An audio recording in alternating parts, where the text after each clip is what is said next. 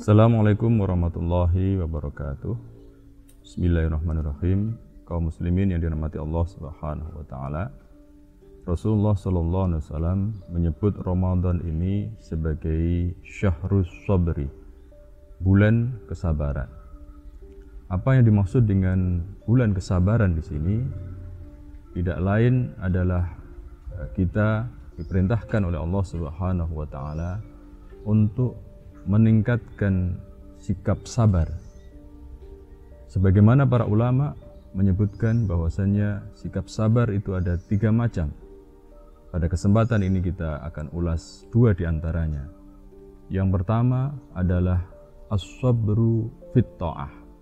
Sabar di dalam ketaatan.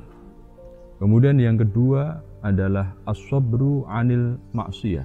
Kesabaran dari perbuatan-perbuatan maksiat.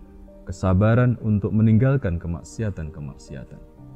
Kaum muslimin yang dirahmati Allah Subhanahu wa taala, dua jenis kesabaran yang tadi saya sebutkan ini benar-benar telah dilatihkan kepada kita selama bulan Ramadan. Di bulan Ramadan ini kita dilatih untuk asobru fit ta'ah, sabar di dalam mentaati perintah-perintah Allah Subhanahu wa taala. Dan ini bisa kita wujudkan pada saat kita sedang berpuasa. Kita dalam kaitannya dengan puasa ini rela untuk berlapar-lapar, untuk kehausan dalam rangka apa? Ketaatan kepada Allah Subhanahu wa taala. Demikian juga kita di bulan Ramadan ini asabru anil maksiyah. Kita bisa bersabar dari bermaksiat kepada Allah Subhanahu wa taala. Terbukti ketika kita melarang, ketika Allah Subhanahu wa taala melarang kita untuk tidak makan, untuk tidak minum. Karena itu semua adalah kemaksiatan apabila kita lakukan di siang hari di bulan Ramadan, kita bisa mentaati apa yang telah dilarang oleh Allah kita tinggalkan. Padahal dua hal itu adalah sesuatu yang sangat berat bagi kita sekalian. Karena kita melaksanakan ketaatan itu biasanya perkara-perkara yang diperintahkan itu tidak disukai oleh hawa nafsu.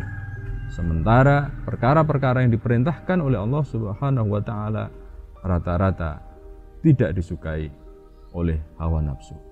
Nah, karena itu kaum muslimin yang dirahmati oleh Allah Subhanahu wa taala, marilah di bulan Ramadan ini dan juga di bulan-bulan yang lain kesabaran untuk taat kepada hukum-hukum Allah, kesabaran untuk meninggalkan apa-apa yang dilarang oleh Allah Subhanahu wa taala senantiasa kita pertahankan dalam diri kita sehingga kita mendapatkan pahala yang sangat besar.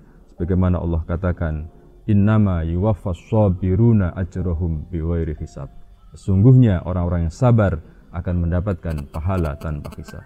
Wassalamualaikum warahmatullahi wabarakatuh